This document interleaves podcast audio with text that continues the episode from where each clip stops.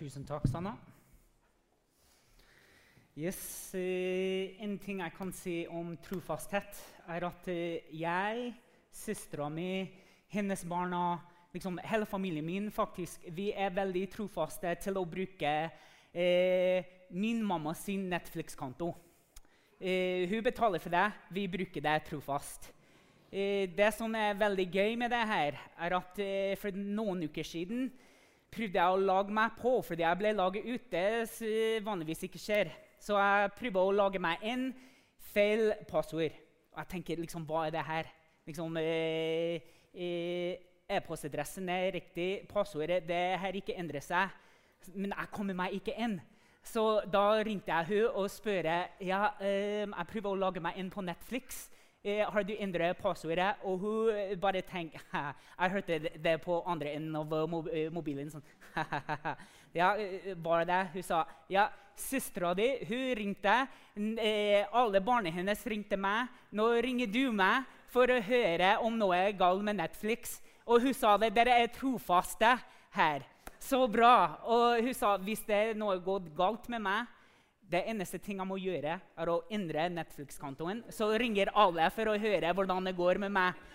Så sa jeg det, det er faktisk ikke så dumt. Vi må begynne å gjøre det nå i huset mitt. i hvert fall, sånn nødanrop. Eh, men Guds trofasthet har ingenting å gjøre med Netflix. Det har alt å gjøre med Jesus. Og I løpet av denne serien her, så vi snakker om takknemlighet. At vi kan være takknemlige for Guds tilgivelse.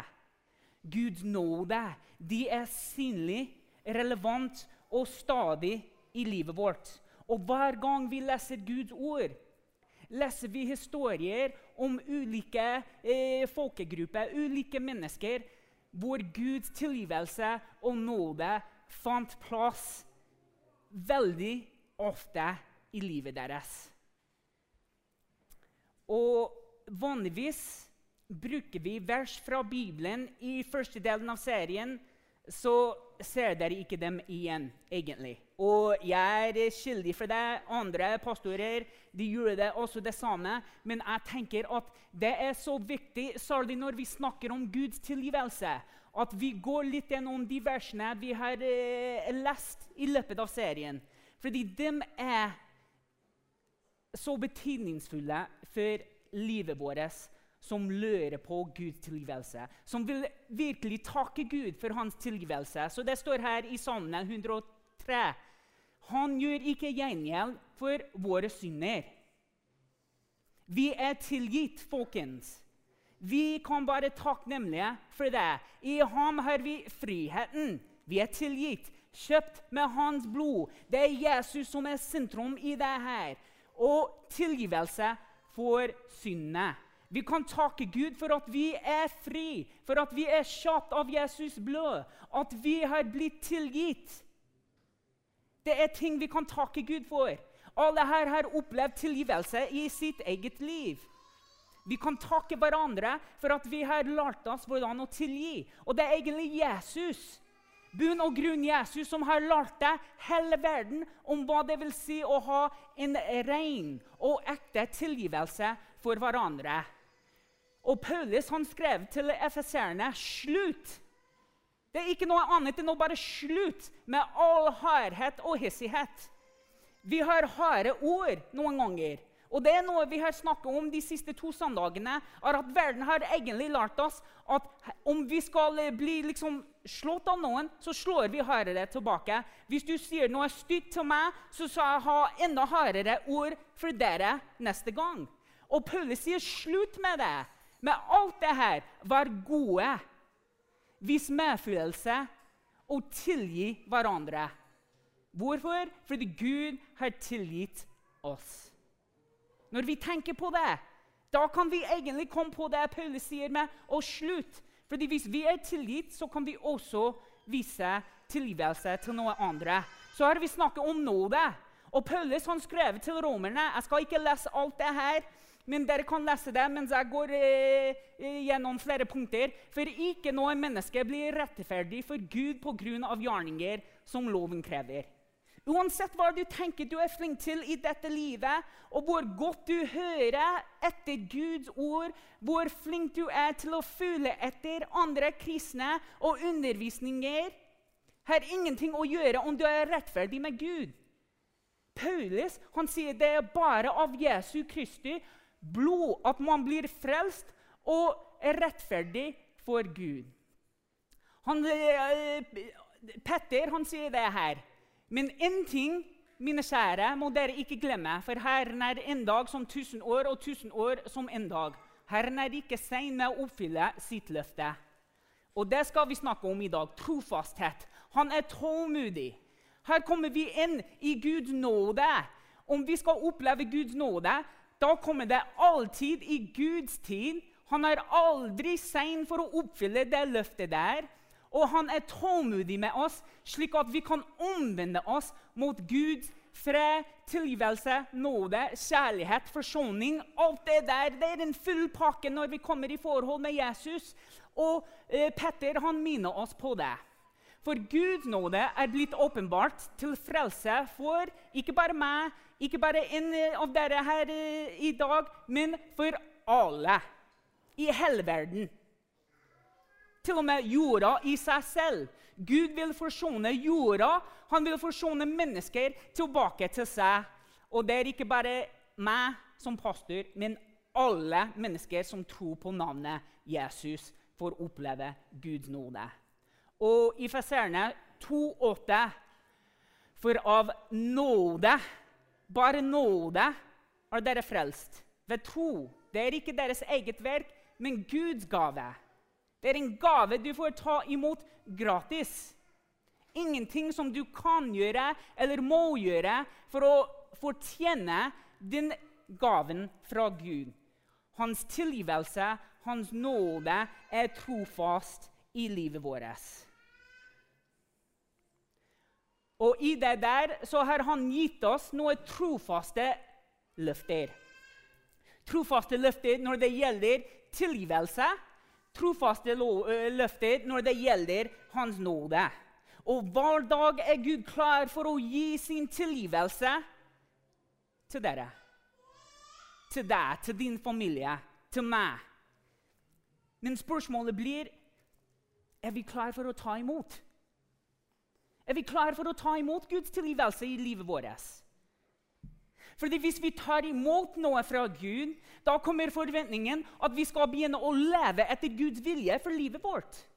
Og hvis han sier at dere er tilgitt, da er vi også kalt til å tilgi andre. Og Det starter med å lende inn til Jesus og hvem han er i livet ditt.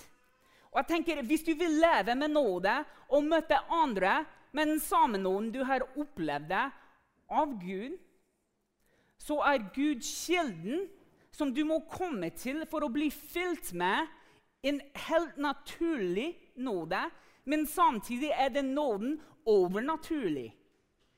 Det er naturlig at vi søker Gud for Hans nåde, men Hans nåde er overnaturlig på en måte at det forvandler ånden, sjelen, tankene våre om hvordan vi møter verden fremover i livet vårt.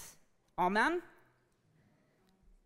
Og jeg jeg vet om Guds tilgivelse, jeg vet om Guds nåde. Det har vist seg trofast i mitt eget liv. Det er ikke bare en kunnskap jeg har. Det er ikke bare at jeg slår opp i Bibelen, og nå har jeg kunnskapen her, og da kan jeg alt om Gud.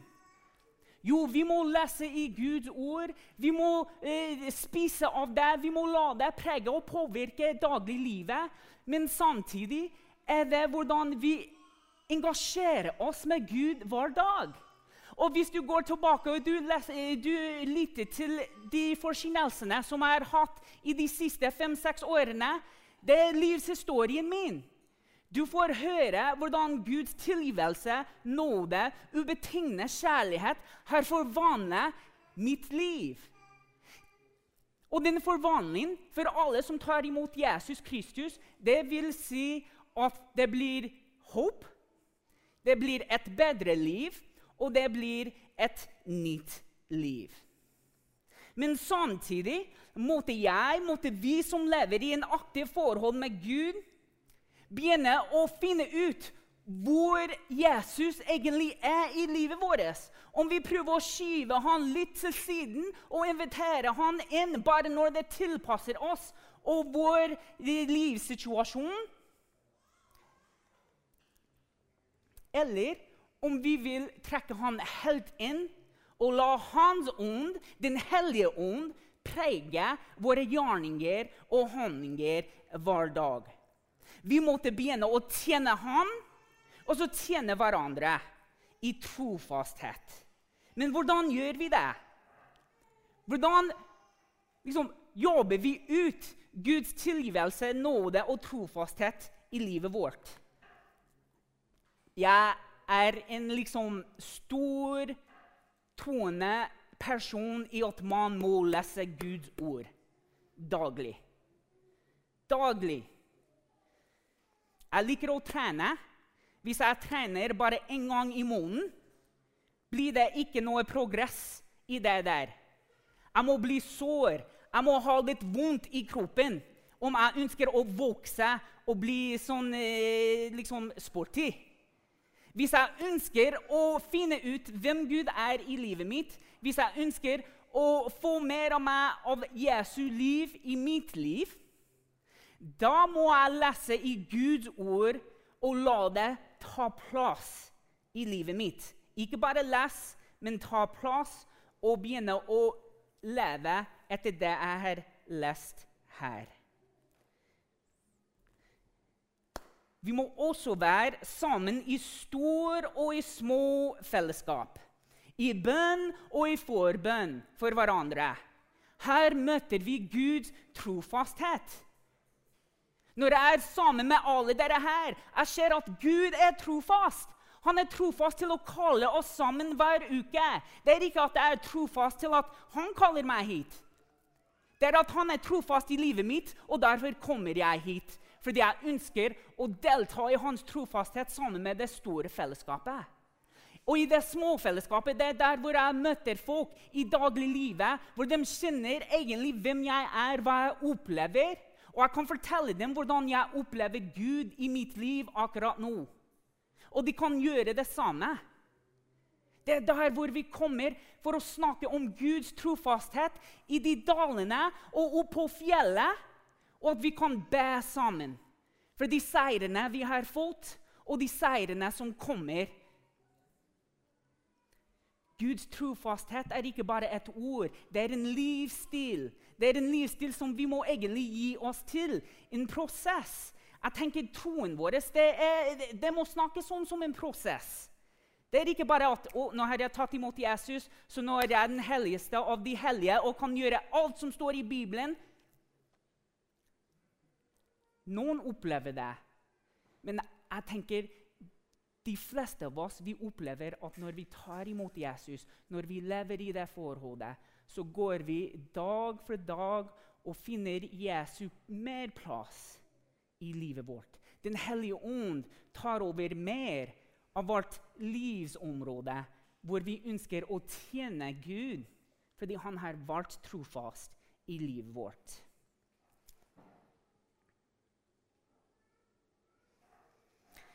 Og hvis du vil møte noen som er åpen for å snakke om sin troreise, og når du leser om folk i Bibelen De er de type som er engasjert i en livsstil hvor et forhold med Jesu ånd, Den hellige ånd, åpenbarer Guds trofasthet.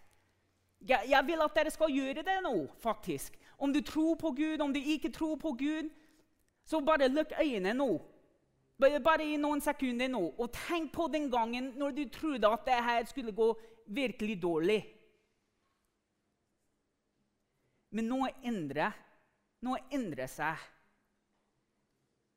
Og da, da vil jeg tro at det var Guds trofasthet, Guds nåde i livet ditt, som endrer det fra noe som så dårlig ut, til noe som har blitt bedre. Noe som var OK, men som har blitt veldig bra. En relasjon som du trodde nei, det her går i stykker. Men når du kommer fremover, så kan du snakke med den personen igjen. Gud stiller seg opp i hver eneste situasjon du opplever i livet ditt, og viser seg trofast om du kaller på navnet hans og inviterer han i den situasjonen. Tenk på det her. Vi leser i Guds ord før syndefallet så var Gud sammen med sine barn. Vi leser at etter Adam og Eva syndet mot Gud Det var ikke at han trakk seg ut av bildet og sa 'Nå er jeg ferdig med dere. Lykke til med alt.' Nei, han var fortsatt trofaste sammen med sine barn. Gud førte israelittene ut av Egypt. Han sendte profetene for å fortelle hele verden at de skulle omvende seg tilbake til Gud. Fordi han ville ha den forsoningen. Gud lovte at Jesus skulle komme og være til den forsoningen for oss alle. Og I løpet av Det gamle testamentet leser vi om Guds trofasthet. Så kommer vi til Det nye testamentet, hvor vi møter Jesus. Guds løfte og trofasthet oppfylt i en person som skulle forsone alle som trodde på ham, med Gud. Jesus møter mennesker der de står i livet. Han møter folk i sin sykdom, han møter folk i sin tvil. Han møter folk i sine umorale livsstilen, og han bryr seg om dem hele personen. Og han helbreder dem, han tar imot dem og gjør dem til en ny skapning. Gud er trofast i hver situasjon.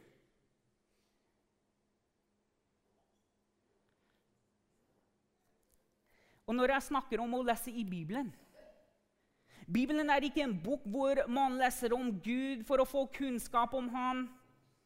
Guds ord det er sann, relevant, livsredning og en historisk fortelling om hvordan Guds trofasthet møter enkle mennesker i sitt hverdag.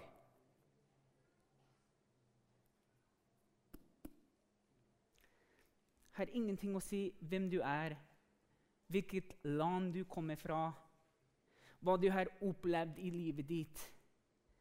Du møter akkurat de samme personene i Bibelen som er representert her i dag.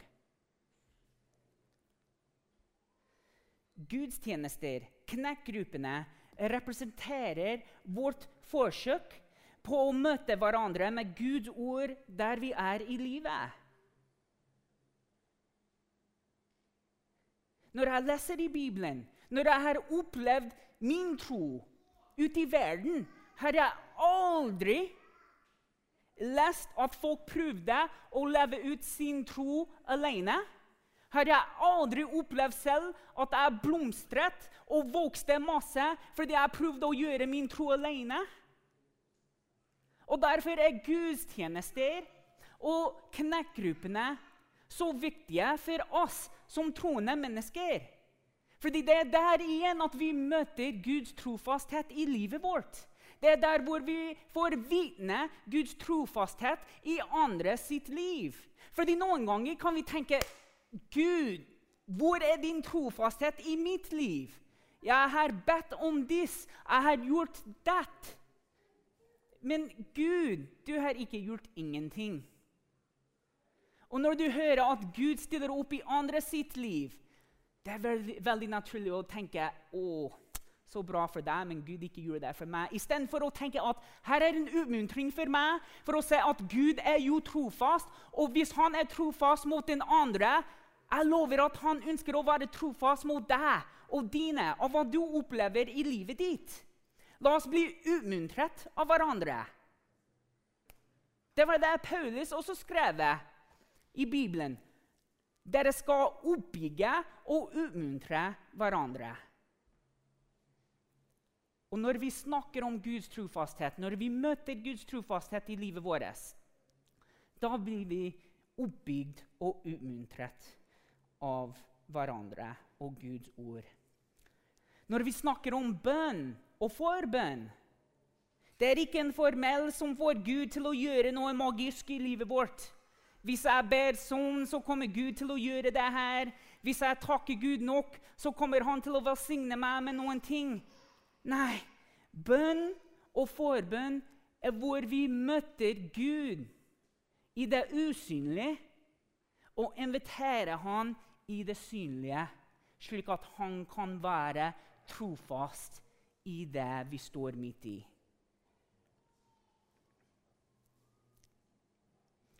Tjeneste det er ikke noe vi gjør bare fordi vi er snille og gode folk.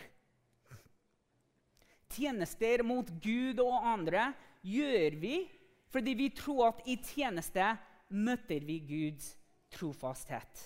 Og at vi kan bli brukt av Gud for å bekrefte hans trofasthet i andre sitt liv. Guds trofasthet tar aldri slutt. Paulus, når han skriver brevet hebreerne, så skriver han til kristne som blir forfulgt eh, pga. sin tro på Jesus. Og de lurer på Guds trofasthet. Og Paulus han gir dem en umuntring. Han sier dette i Hebreerne 6, 8. Gud har gitt oss både løftet og eden sin. Disse to bekreftelsene står fast. Ettersom Gud aldri kan lyve, det er en sterk utmuntring til oss som håper på Gud og stoler på at Han en dag vil innfri løftet og frelse oss for evig.